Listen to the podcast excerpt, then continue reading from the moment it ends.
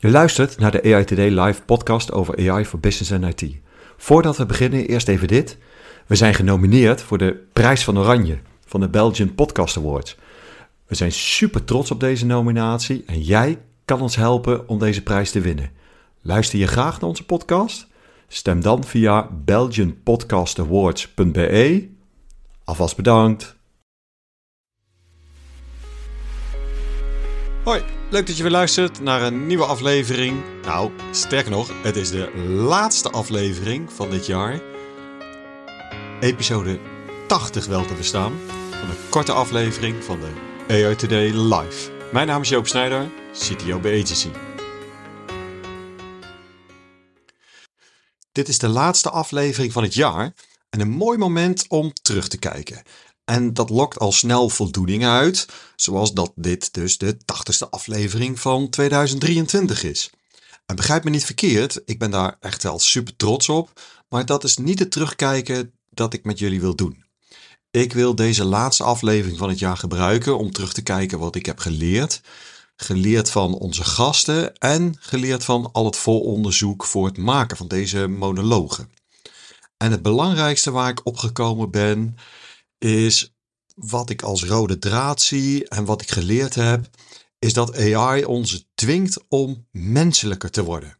Dat klinkt misschien tegenstrijdig, maar laat me dat aan je uitleggen.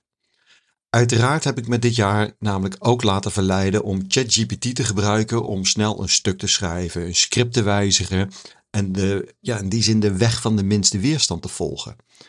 Maar dat levert zouteloze inhoud op. Het is prima, niet speciaals, lekker snel klaar. Net zoals het opwarmen van een kant-en-klare maaltijd het zak. Het vult, het voedt, wel vol met zout, maar zonder hart en ziel. Niet zoals een gerecht dat met zorg en aandacht is klaargemaakt. Hè? Je proeft het verschil.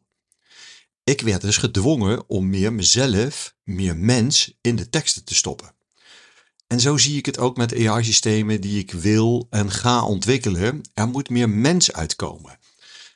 Trots ben ik bijvoorbeeld veel meer op onze deelname in het onderzoeksprogramma met onder andere het Radboud, zowel de universiteit als het ziekenhuis. Daar gaan we de zorg meer menselijker maken met de inzet van AI.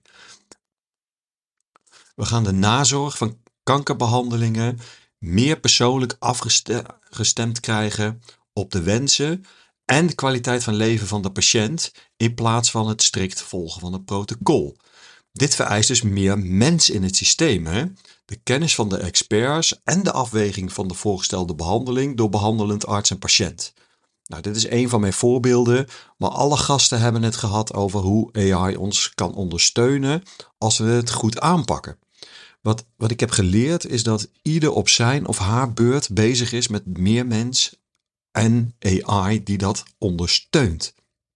Ik wil daarom alle gasten bedanken en er wel één initiatief uitlichten als dat mag en dat is het AI Annotatielab.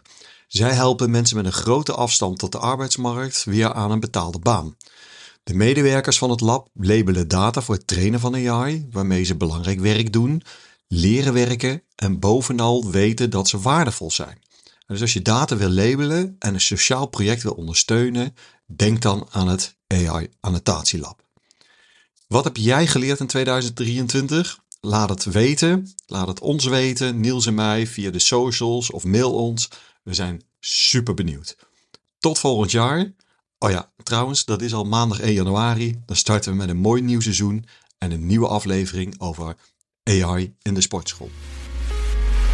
Super fijn dat je een van onze luisteraars was uh, dit jaar. Abonneer je via je favoriete podcast app en mis ook geen aflevering in het nieuwe jaar. Dankjewel.